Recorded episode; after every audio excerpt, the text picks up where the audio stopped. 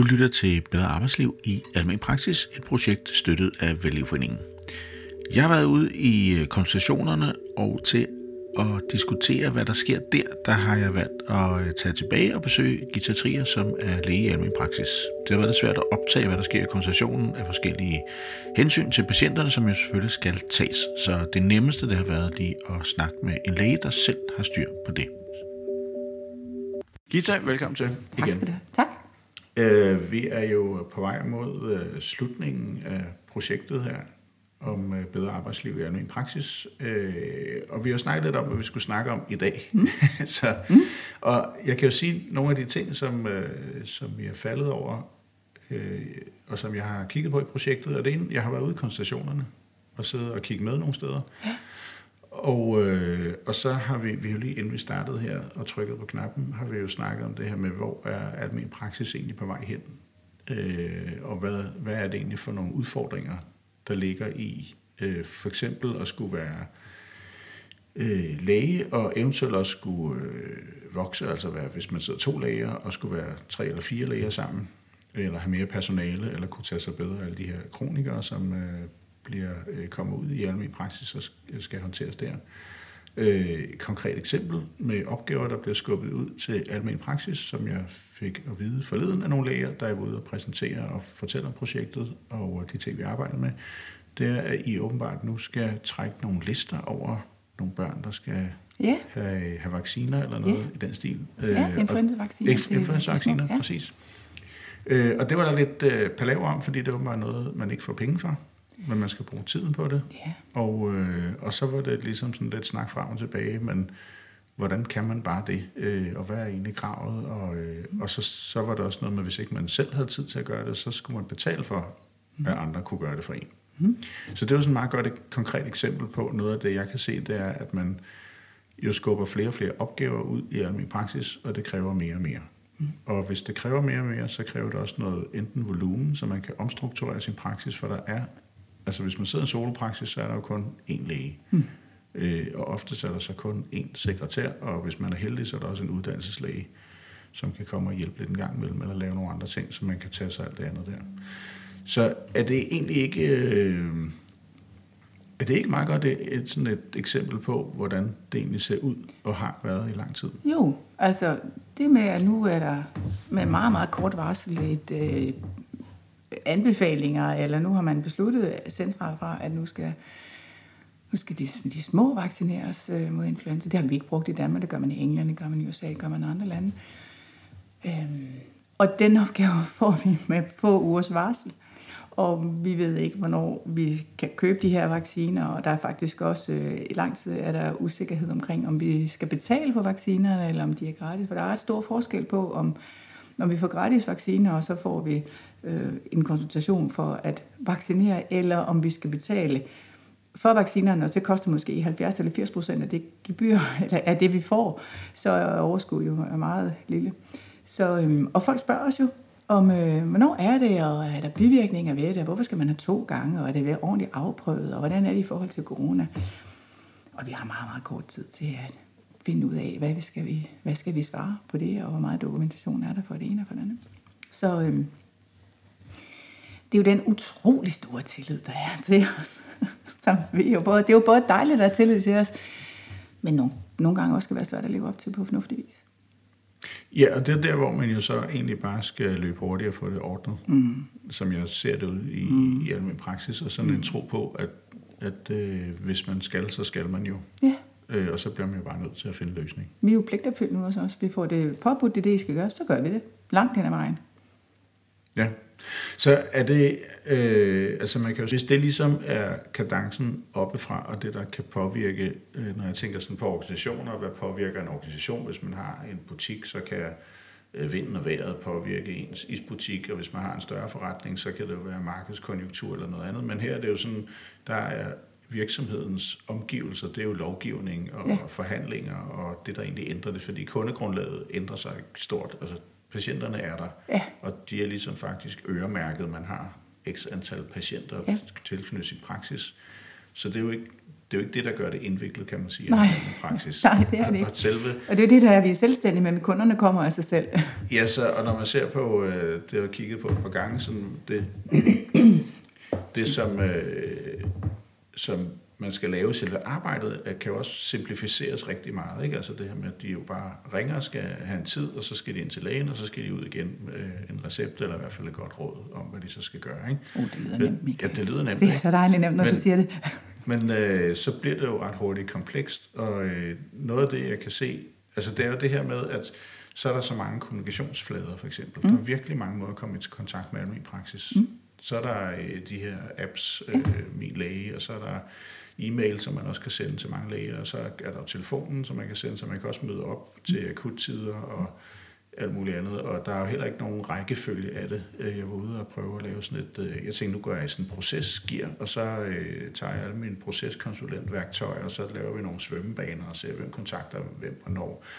Øh, og det endte med, at dem, der var i den her praksis, vi var 12, der lavede det her, den her øvelse, og det, de endte ud med at lave, det var egentlig nogle cirkler i forhold til kontaktpunkter med patienterne, for de kunne ikke ligesom sige, hvornår Altså man kunne godt sende en mail efter det ene og det andet, ikke? og man kunne også godt øh, skrive i appen efter noget, og man kunne også godt skrive i appen, man havde ondt i knæet, og så er der nogle af lægerne, der siger, så venter jeg lige til sidst i den svarfrist, jeg har til at svare på den, fordi så finder de selv ud af det, eller så går det over, eller... Mm. Men nogen skriver bare jo bare ondt i knæet, i sådan ja. og så, så Ja. sidder lægen og tænker, hvad, hvad skal jeg egentlig svare her? Er det farligt, eller er det ikke farligt? Ja, Og det er jo noget af det, der... Øh, jeg ved ikke, om jeg springer lidt i det, men noget af det, kan se, der er de der øh, mismatch mellem lægen og patienten, det er, for, for patienten, så er det jo følelsen af noget, der er farligt, mm. som ligger øh, øverst i bunken, kan man sige. Og for, for lægen, så er det jo vurdering af, hvad der er farligt, der mm. ligger øverst i bunken. Mm. Og det vil sige, så er det jo to forskellige måder at snakke på, fordi hvis jeg bare føler, det er farligt eller irriterende, at jeg har ondt i foden, men måske er det bare, fordi jeg har været ude og gå en lang tur eller noget, men jeg vil gerne af med det, mm. øh, så vil lægen jo tænke, nå ja, altså, så put du noget is på, eller sidde lige stille et par dage, ikke? Mm. eller hvad det nu er. Ikke? Øh, et konkret eksempel med det var en, der jo havde booket øh, sådan en vandretur med nogle venner, som Ja. skulle til Norge og Ja. gå, og så havde vedkommende fået ondt i foden, øh, og det skulle ligesom gå væk. Ja, fordi nu. nu havde jeg bestilt min vandretur. ja. Så det er, jo, det er jo irritationen og følelsen af, at det er godt nok også irriterende, at jeg ikke kan komme af med det her, så nu skal du gøre noget, kære Ja. læge. Og så sidder lægen der og tænker, men det, det går bare væk af sig selv, så jeg kan, ikke, jeg kan hverken scanne det, eller operere det væk, eller give dig piller, eller jo, måske kan man tage noget smertestillende, men, men det er jo simpelthen bare at kunne leve med, at det skal du så ikke på den vandretur, eller så må du få noget, altså så er du bare mere ondt, når du kommer hjem fra vandreturen, hvis det er det, du vælger, men jeg kan ligesom ikke løse det for dig. Og det, det tror jeg, der har vi måske nogle lidt store forventninger til, hvad lægen egentlig skal hjælpe os med som patienter. Altså, nogen har, og det har vi jo før snakket om, at det, altså, i hvilken grad der skal en eller anden form for paradigmeskift til, øh, hvordan, hvad er egenomsorg, og hvad kan man have af forventninger til lægen. Men også det, du beskriver. Jeg er så glad for, at du har været ude i praksis og lyttet med til nogle konsultationer, og inden vi snakkede her, øh, inden vi startede, så fortalte du også om de mærkelige veje, sådan en konsultation, den kan pludselig kan, kan, kan, kan tage hen. Øhm, men vi har også snakket om personlighedstyper. Altså, hvad for en type man er som læge. Man er sådan en, der gerne vil fikse, og man er sådan målrettet, eller man er relationsorienteret. Mm. Og, og, det er jo, og alle de ting er jo hele tiden i spil, også med patienterne. Sådan, hvad er de for nogen? Skal de bare have det fikset, eller er de bange, og skal de forstås? Eller... Og det er jo det, som man i gamle dage kaldte lægekunst, Michael. Mm. Det er jo det.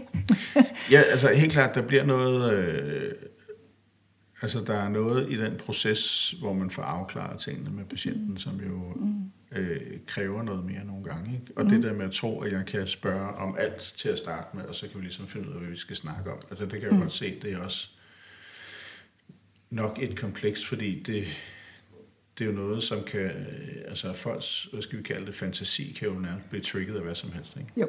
Så det er jo nok mere det, at lægen for eksempel, øh, når øh, et eksempel igen ud for konstitutionen, når lægen så skal afslutte og skrive ind i notatet, hvad der er blevet talt om, så åbner lægen op, og så ser man pludselig, hvor du har også fået nogle blodprøvesvar.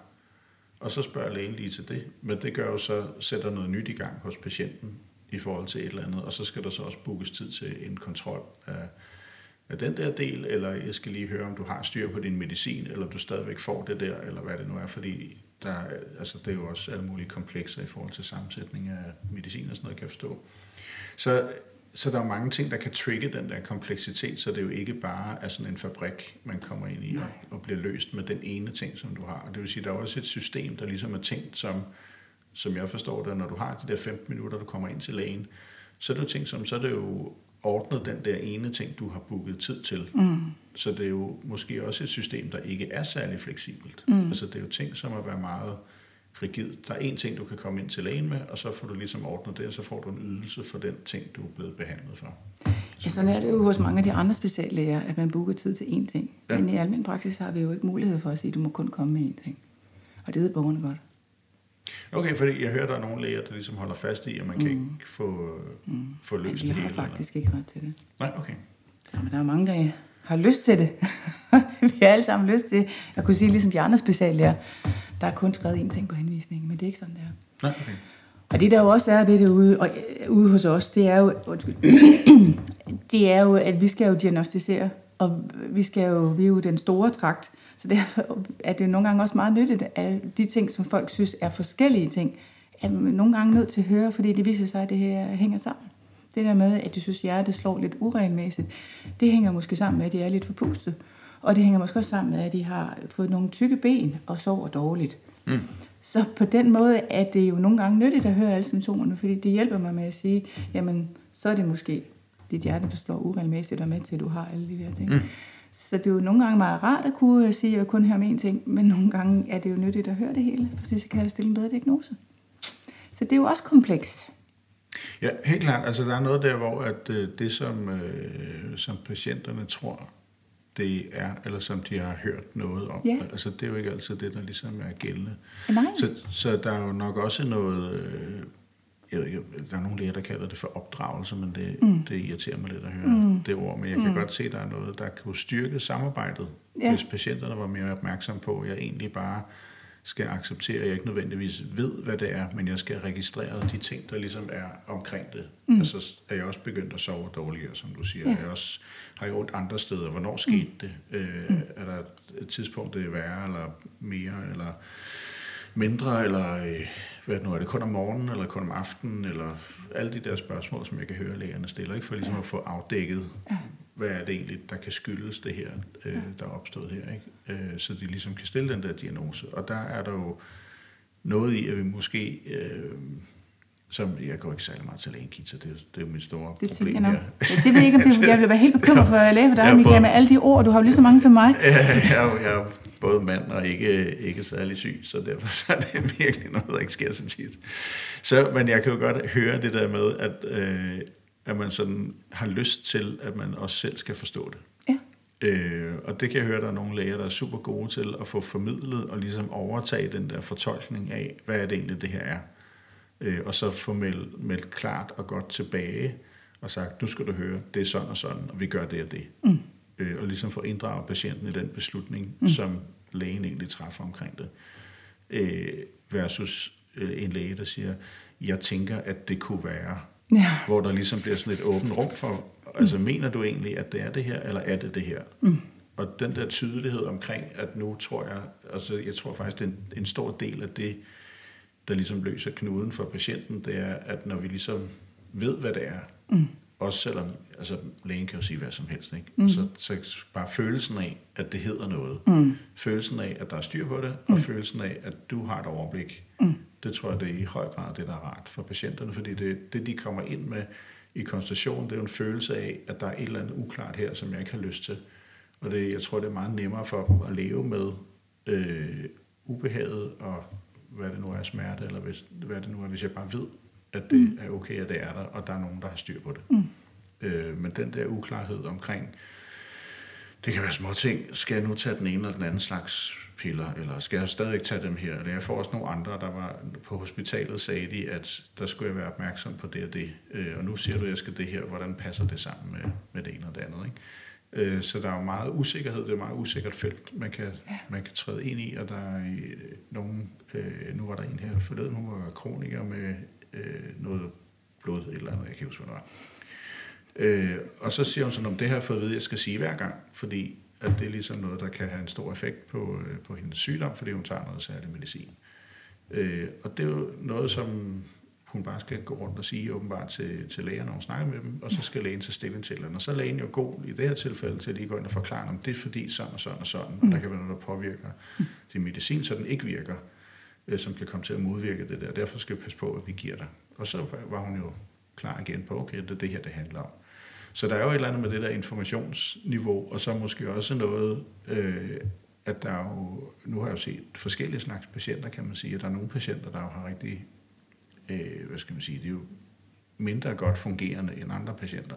Så de har svært ved at tage imod information, og nogle har svært ved at, der er nogen, der kan læse, øh, der er nogen, der øh, har svært ved ligesom at få samlet op på, hvad der egentlig er blevet sagt mm. her i konstitution. Hvad, hvad skulle, hvor mange gange om dagen sagde du, at jeg skulle tage det, for eksempel, eller hvis øh, lægen siger, øh, så bestiller du bare en tid, øh, så ved de ikke, altså, hvornår var det, jeg skulle bestille en tid. Eller, altså, og, så nogle er jo gode til at stille spørgsmål som patienter, og, og omvendt også nogle læger er jo gode til at få det præciseret, så du skal, når der er gået en måned, det vil sige den et eller andet oktober, november, hvad det nu er, så skal du ringe herop igen, i stedet for bare at sige, når der er gået en måned. Ligesom hvis jeg holder kursus, så siger jeg til folk, at de skal være tilbage om 10 minutter, så kan du ikke huske, hvad tid jeg sagde det. Så derfor er det meget godt, at jeg siger, at det er klokken et eller andet 12.40 skal I være retur. Øhm, så der er jo noget med øh, at få reduceret den der kompleksitet i selve samtalen, og være opmærksom på det som læge, tænker jeg. Ja, der er to ting, som, som jeg synes også er vigtigt i den her sammenhæng. Det er, at der er en del patienter, som ikke har et sprog for, hvad de mærker.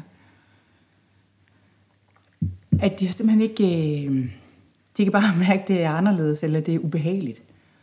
Og selvom man som læge interviewer sådan, er det kløende, svine, eller er du bange, eller usikker, er du frustreret, eller noget, så ved de ikke lige, hvad det hedder. og, og det er irriterende at blive spurgt om det, og så ikke kunne forklare det. Og man kan godt høre, at det måske ikke er så snedigt at sige, det ved jeg ikke, det er bare ubehageligt.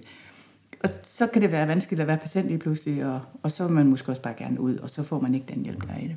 Så det, det der med, at nogle patienter har faktisk ikke noget sprog for, hvad de mærker. De kan bare mærke, at der er noget galt. Og den anden ting, som der også er, hvor du siger, som det er rigtig rart at vide, at lægen har bare styr på det her, og det er det her, det er. Men det er jo sådan, som jeg plejer at sige til min uddannelseslæger, sådan, at hvis du når til et sted i dit lægeliv, hvor du er fuldstændig sikker på alting, så skal du gå hjem. Fordi at der er jo rigtig mange lidelser, som præsenterer sig på en anden måde, end de plejer. Så, så hvis man tror, at man har fuldstændig styr på det, så lever man et farligt lægeliv fordi at der er så stor forskel på, hvordan tingene præsenterer sig. Og det er en af grundene til, at du aldrig kan få ja eller nej, eller sort eller hvid af en læge. Og des ældre hun er, desværre er det at få ja eller nej, fordi så har hun altid set nogle variationer af noget. Som, øh, så derfor så siger de, ja, det mest sandsynlige er. fordi vi jo heller ikke bryder os om at blive klandret for, som du sagde dengang, og så nu er viser det sig, at jeg er en af dem, hvor det er helt specielt. Hvorfor sagde du det? Så ja, det er rigtig rart at kunne sige, at det er det her, du fejler. Men som læge ved man, at det er bare rigtig tit, at, at, at man kan ikke være sikker. Man kan aldrig være sikker. Sådan, ah, men almindelig øh, halsbetændelse, det må da ligne sig selv hver gang. Nej. Mm. Blindtarmsbetændelse, det ved alle, hvad er. Det ser meget, kan godt se meget forskelligt ud. Og det mm. ved man ikke som borger. Men man har, som borger har man, eller som patient har man en forestilling om, at, det, at menisk, det er, meniskledelse, det er sådan her, og blindtarmsbetændelse, det er sådan her, og man har ondt i hovedet, når man har forhøjet blodtryk. Og jeg har ikke ondt i hovedet, derfor har jeg ikke fået blodtryk. Så det er jo bare endnu en, uh, en byggesten til den der kompleksitet, som mm. gør, at lægekunsten eller lægearbejdet er, som det nu er. Ja, øh, jeg kan sagtens forstå det, du siger, men det er måske også en del af udfordringen, det der med at, at få det sagt på, øh, på en god måde, så jeg kan acceptere, at der er en eller anden form for usikkerhed. Ja. Altså, at lægen kan sige, det er det, jeg tror, vi går med lige nu. Ja. Eller det er det, vi går med lige nu. Ja. Og så ser vi, hvad der sker. Eller... Men er det så det, doktor, du går med? Så vil jeg gerne hen til ham henne, som kan sige, hvad det er. Så vil jeg gerne ja, til det, en anden Det forstår jeg sagtens. Der var også der var en af de her læger, der sagde, at, øh, at hospitalerne, jeg tror også, vi snakker om det sidst, øh, hospitalerne er blevet sådan nogle diagnosefabrikker. Ikke? Mm. Øh, men man bliver jo ikke rask af at få en MR-scanning Eller, Man bliver ikke øh, rask af at blive fotograferet, som jeg plejer at sige. Ja, så, så, fordi så kunne vi bare tage et billede af dig, og så, kunne, så får du et billede her, og så kan du se, at du har stadigvæk ondt i knæet. Det, det bliver der ikke lavet om på, at vi tager et billede af dig, eller får dig scannet. Vi kan måske få at vide, om det er brækket eller ej. Det kan vi så finde ud af. Mm. Men øh, det, det kan en, øh, en røntgenscanning jo sige konkret. Øh, men smerten er jo stadigvæk den samme. Mm. Så behandlingen skal måske være en anden, men oplevelsen af, hvad det er, du egentlig fejler. Og det er derfor, jeg, når jeg siger det her med, med patientens følelser og... Øh, og det er jo det, der møder fagligheden, kan man sige. Ikke? Det er ja. Følelser mod fakta, Ja. øh, man egentlig står overfor. Og, og det er jo de følelser, der skal håndteres ind i konstationen, hvor lægen jo mest er optaget af, af fakta for at få styr på det, så det er at få styr på følelserne gennem fakta og finde ud af, hvad det er. Altså, vi er i hvert fald, hvis vi skal hjælpe patienten, er vi nødt til at have noget faktuelt i hvert fald, og som er afsæt i det, hjælpe patienten. Det er sådan helt kirkegårdsk nu, ikke? Hvis du i sandhed skal hjælpe et menneske, må du finde det ståsted først. Mm. Det er nok ikke helt korrekt citeret, men noget i den retning. Mm. Og sådan er det jo, vi er nødt til at finde ud af, hvad handler det om, og så, hvem er du, og hvad betyder det for dig, og hvad kan vi så gøre? Kan du komme på den andre tur i Norge alligevel? Ja. Mm. Jamen, og så, og så bliver det jo, der er... Øh, altså, jeg kan godt se, så, når der så også er mange faktorer i løbet af en dag, der er i spil, altså så nu de her influencer-ting, Mm, for eksempel, kommer ind her for med højre. børn, som Mm. kommer ind fra højre, mm. og, øh, og du også skal forholde dig til, øh, til patienter i det daglige, som øh, nu var mit eksempel, inden vi startede her, det var, der øh, lægen øh, siger, at det er en opsvulmet fod, og så går lægen ud og henter patienten og kommer ind, og så siger patienten næsten med det samme, eller lægen spørger Nå, hvordan går det med foden? Og så siger patienten, det går fint, men øh, der er noget med ryggen. Øh, og jeg tror, jeg har en eller anden lidelse, som jeg kan huske, hvad er. Ikke? Og så skal lægen først finde ud af, hvorfor tror du, du har det? Altså, hvor kom det fra? Og, øh, og, og altså, hvor, hvordan, hmm. hvor gør det ondt? Og hvor, hmm. hvad har du lagt mærke til, siden du nåede frem til det?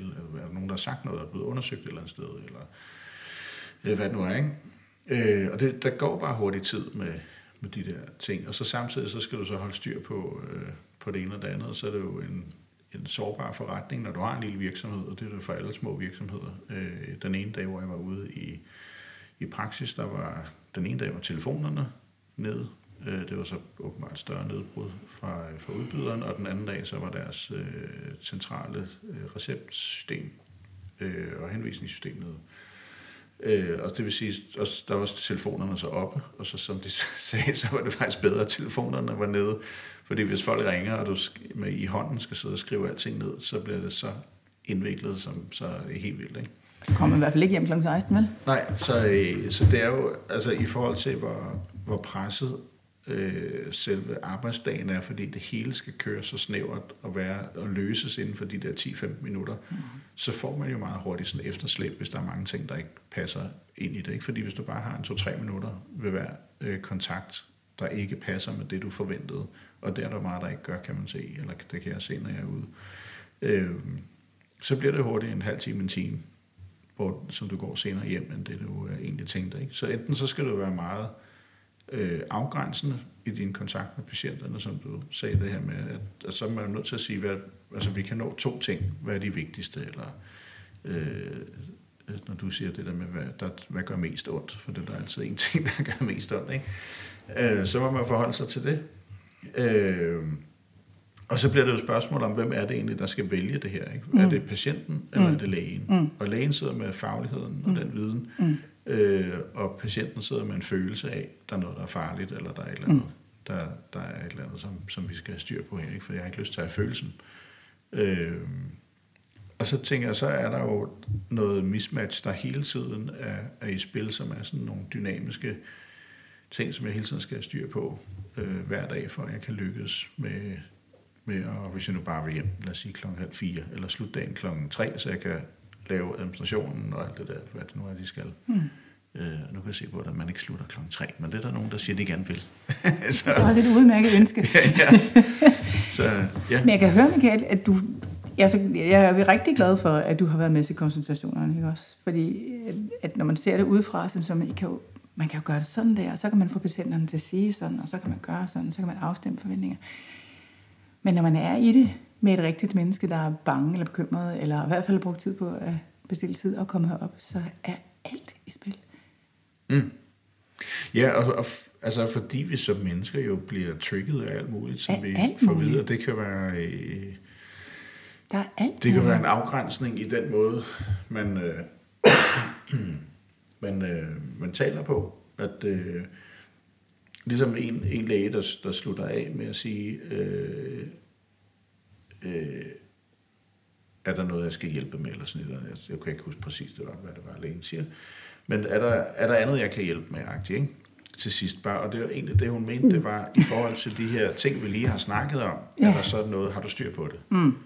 Og det var egentlig det, hun mente. Ja. Men det var ikke det, hun fik sagt. Hun Nej. fik sagt en mere åben Ja. sætning. Og det vil sige, så, så kommer øh, patienten i tanke om nogle, øh, nogle blodprøvetal og et eller andet, at der var, øh, det var noget med, der var høj blodprocent, og det kunne tyde på væskemangel eller et eller andet. Og så, så øh, skal lægen jo finde ud af, hvor har du det tal fra, hvor kan jeg slå dem op henne, mm. hvem har sagt det. Mm. Øh, er det en anden læge, der har sagt det, er det på hospitalet, er det øh, din mand eller kone, der har sagt det, eller hvor, og, og hvad ved de om et eller andet, altså hvad, hvad skal jeg gribe i her, ikke? Og så går tid med det. Og så går der lige nogle minutter ekstra, ikke, hvor man troede, man var færdig med noget. Ikke? Mm. Og det vil sige, når vi, altså sådan er vi jo indrettet som mennesker. Mm, Hvis vi ja. vifter et eller andet foran folk, så får vi en tanke. Ja. Øhm, og, Og som læge er jeg også nødt til at at kigge på de blodprøver, og hvis den blodprocent er høj eller lav, så skal jeg jo igen vurdere, er det farligt? Mm. Er det farligt nu? Kan det blive farligt? ja. Og så skal jeg gøre noget. ja, og, det, og der er, altså der tror jeg, vi, der, der tror jeg, vi måske også som øh, vores forventninger til sundhedssystemet og til, øh, til hvad skal man sige, lægen, at, at vi kunne godt være lidt mere opmærksomme på som patienter. Altså som øh, der var, øh, der var en læge, der sagde, når det er hjerte, hjerne og lunger, så, øh, så lader jeg ikke folk gå ud af døren. Ikke? Så hvis de har smerter i brystet, eller mm. Hovedpine, eller et eller andet særligt, som, øh, som ikke lige kan forklares, ikke? så er jeg nødt til at være opmærksom. Mm. Øh, for så skal jeg jo sætte noget i gang, som skal være nu og her. Og jo hurtigere det bliver opdaget, øh, jo bedre er det, ikke? i forhold til at kunne hjælpe folk øh, så tidligt som muligt med et eller andet. Mm. Så der er jo nok noget, hvor vi skal øh, som borgere måske have behov for lidt mere viden om, altså at det ikke altså det er ikke bare hele maskineriet, der har lige høj prioritet, kan man sige. Ikke? Så hvis du har øh, en nedgroet negl, eller hvad det nu er, så, øh, så kan det godt være, at du tænkte, at du lige skulle ud og løbe halvmarathon, eller helmarathon, mm. eller vandre i norske fjelle, men så var det ikke lige det, du kom til. Og det kan man godt acceptere, uden man behøver nødvendigvis at gå til lægen, tænker jeg. Ja, det kan du og jeg jo hurtigt blive enige om, for når vi sidder over i lægeklinikken, så er der jo masser af folk, som er meget syge. Mm. Men nu nævnte du lige selv, at du er jo ikke særlig syg i det daglige. Og hvis Tror du... jeg. ja, det er jo sådan noget andet, vi kan. Vi skal bare tage nogle mere blod på, og så er der en anden, der stikker ud. Ja. Men hvis det nu var dig, der faktisk havde booket den her once in a lifetime tur med en af dine børn, og nu skulle I simpelthen til Grønland, og det havde I snakket om i rigtig lang tid, og så havde du bare den der fod, der nu lige pludselig var et eller andet, øm. og det jo- så er det jo bare meget, meget høj prioritet, fordi det kan godt være, at lægen synes, at det betændelse i en så ikke rigtig betyder, men for dig var det jo, eller for den her patient, er det måske en virkelig vigtig tur med en af børnene, som et eller andet. Så det kan godt være, at lægen siger, at sammenlignet med, at nogle andre har blodpropper her og der, eller kræft eller noget, så er den der fod jo ligegyldig. Men, men for borgeren, hvis nu det var dig, mm. der måske risikerer at skulle sige nej tak til seks ugers vandring i Grønland, der er det jo ikke bare. Og, og det er jo der, og det er der, det kirkegårdske igen skal komme ind, at, at den borger, som har taget tid, taget fri for sit arbejde og mødt op herover på trods af alt muligt, kæmpe sig igennem telefontiden, der er det vigtigt. Og det er det bare for den enkelte. Og det er jo det der med, at der er en ting, der gør mest ondt. Og det er måske den betændte tog. Og det bliver man jo bare nødt til som læge. At, at være der, hvor patienten er. For det er faktisk rigtig vigtigt.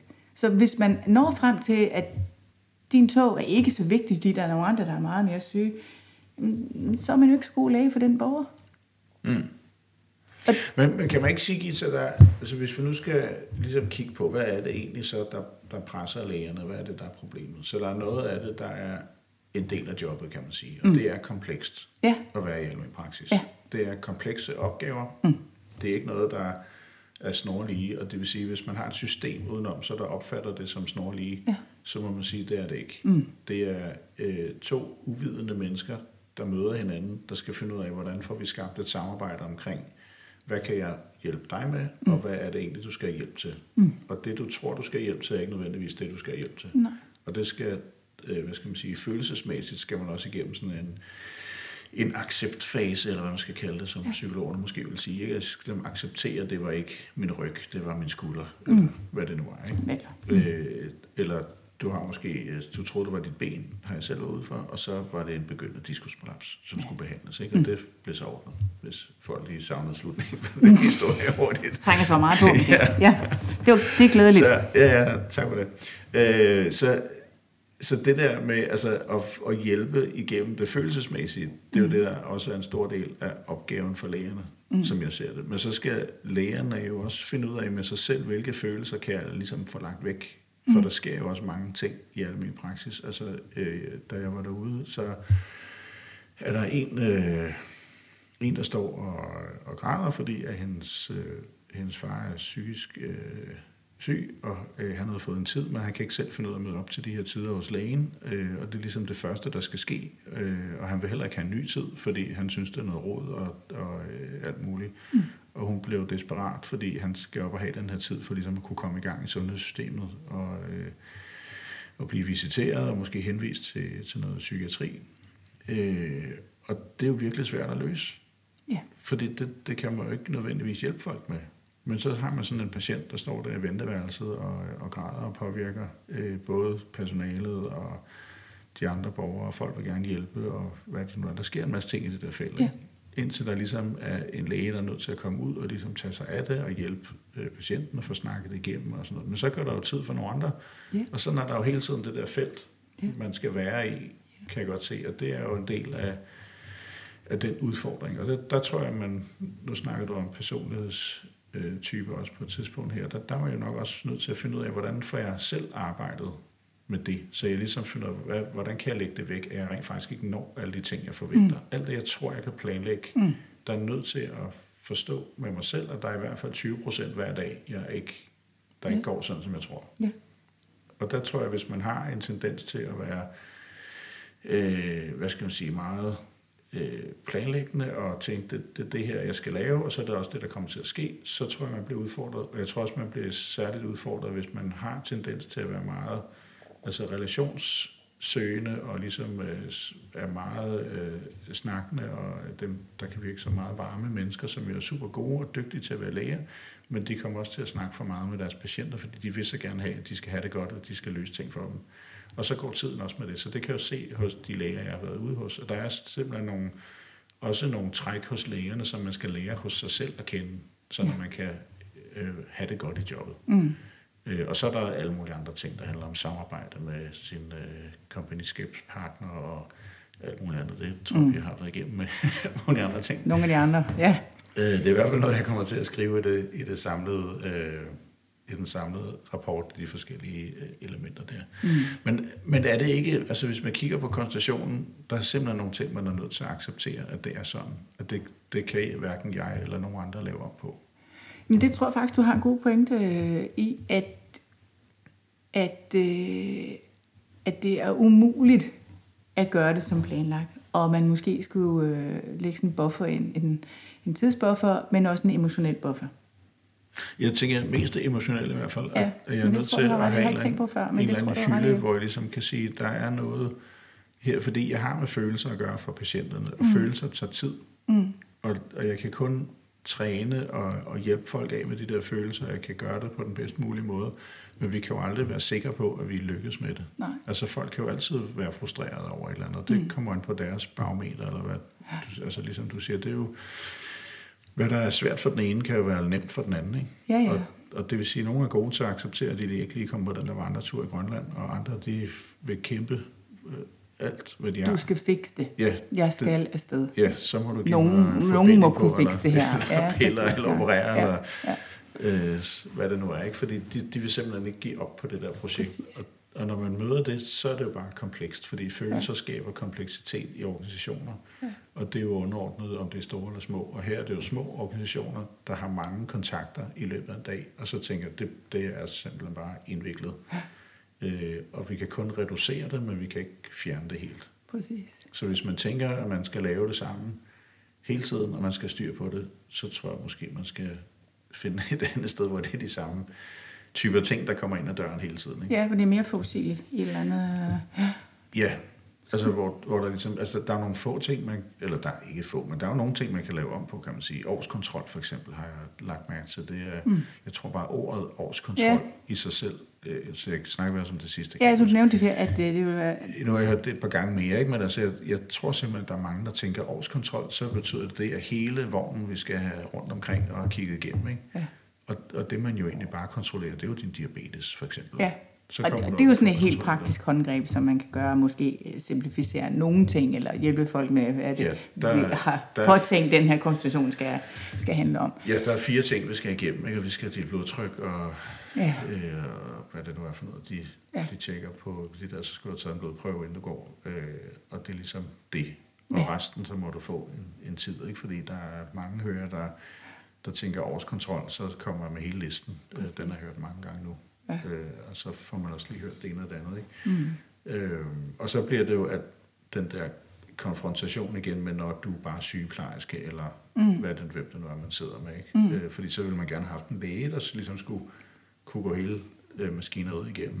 Ja. Øh, og så bliver man jo skuffet, så, så er der ikke afstemt forventninger der, kan man sige. Ja. Så der er nogle ting, kan man godt arbejde med ja. og være opmærksom på, men det kræver processer og læring i i praksis, og der kan jo, hvis vi er tilbage til, hvad kan man så gøre, så er der noget, der jeg kan se, det er, at man simpelthen ikke bruger tid på at snakke om, hvordan man arbejder. Mm. Øh, men man bruger meget tid på at bare komme igennem dagen. Mm. Og hvis ikke der er noget feedback i forhold til, hvordan får vi egentlig gjort tingene, altså hvad skal vi have samlet op på i løbet af dagen, som vi skal lave om til i morgen, jamen så ændrer organisationen sig jo heller ikke i forhold til, hvordan får vi så styr på det her, når vi nu har haft otte, der kommer ind og tror, at de skal have den fulde pakke på en årskontrol hvad skal vi gøre anderledes, så vi får prøvet noget af og ser, nu skal vi have, have fortalt patienterne, det er ikke det her, de skal. Ja, så du tænker feedback, det er øh, personale eller, eller dem, der er ansat i virksomheden? Ja. Er, er det dem, der indbyrdes skal afstemme, sådan, hvordan får vi hvordan får vi årskontrol til, øh, hvordan får vi vores borgere til at forstå, at årskontrol handler om blodtrykket og sukkersyre, og ikke om udslettet og Ja, eller måske bare til at starte med at undre sig over, hvorfor har vi så mange, der kommer og tror, at de skal så meget til en årskontrol? Ja. Hvordan håndterer vi det? Fordi ja. igen, hvis det er et kompleks, så er vi nødt til at have læring ind i organisationen, mm. og læring får vi kun ved at forsøge os lidt frem og eksperimentere med. Mm. Så må vi ændre noget på vores hjemmeside, så må vi ændre noget på den indkaldelse, vi laver, eller når vi starter konstationen, så må vi sige det til dem, eller vi, altså der er et eller andet, som... Øh, mm. Hvad der, der nu ligesom, passer Ja, det ligesom sætter butik. rammen for det. Ja. Og så må man jo prøve sig frem og se, hvornår rammer vi folk på den rigtige måde, så vi ligesom kan se, nu, ja. nu er vi ligesom igennem ja. øh, den her del. Ikke? Øh, for ellers så, så, så, øh, så er det jo bare de samme problemer, man har hver dag. Ja. Og problemer bliver ikke færre, de bliver oftest flere efterhånden, fordi der er ting, der forandrer sig. Mm. Og så får man jo bare mange problemer til sidst, mm. som man så ikke har fået taget sig af, fordi man tænker, det er nogle andre, der skal løse det. Det sekretæren, der skal løse det, eller sygeplejersken, eller lægen, eller hvem det nu er. Ja. Eller så er det øh, regionernes skyld, eller nogle andres skyld.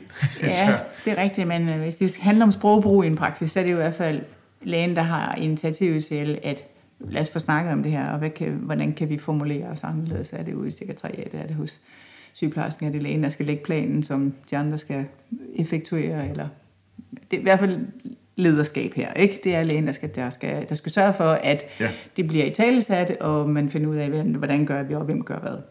Ja, det tænker jeg, altså det er jo en del af, af mm. det her med lederskab er et godt ord, synes jeg, fordi det handler ligesom om at få sat fokus på det, men også mm. få skabt et rum til det. Mm. Så hvis det er, at man bare har en kaffepause, så skal der være et eller andet, hvor man kan få lov til at sætte en seddel op eller skrive på en tavle, det her er emnerne for i dag, som ja.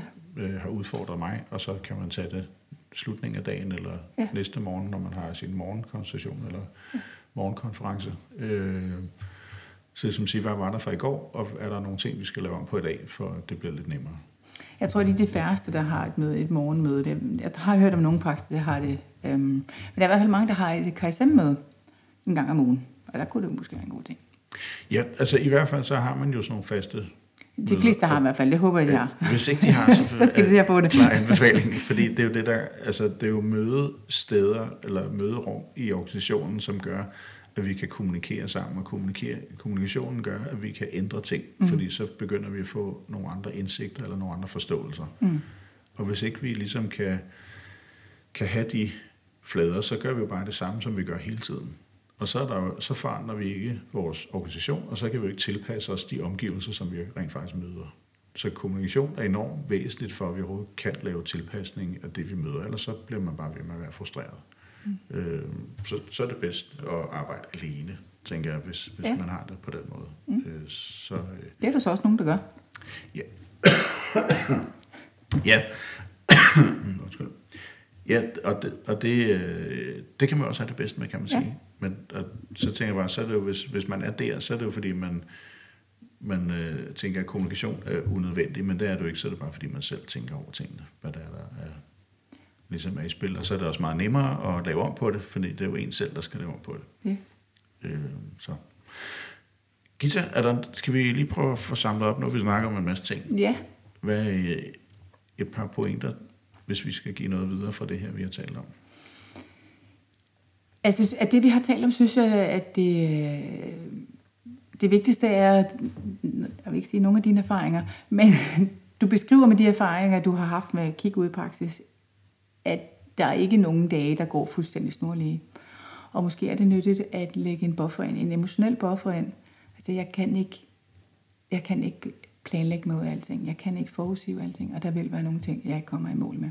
Og det skal selvfølgelig helst ikke være, om folk har kræft, eller om de skulle være indlagt med den her blodprop, men der vil være nogle andre ting, jeg ikke kommer i mål med. Og, og jeg er stadigvæk en okay læge på det. Ja, helt klart. Altså, jeg tror, det der med at, at tænke, at hvis jeg, jeg kan godt øh, være en god læge og gøre det godt, uden at resultatet nødvendigvis er 100% rigtigt. Mm. Fordi det er, øh, altså vi kan ikke styre verden og omgivelserne og det vi møder, men vi kan prøve på at gøre vores bedste i forhold til det, ja. Vi har af muligheder, men, men altså hvis, øh, hvis man har tømmer det bræt, man får skævt, så er det lidt ligegyldigt, måske hvor dygtig man er, så bliver det ikke lige. Præcis. Af, at man, men vi har også læger, vi har, eller jeg tror, at mange af os har en udfordring i, at vi er jo videnskabeligt uddannet.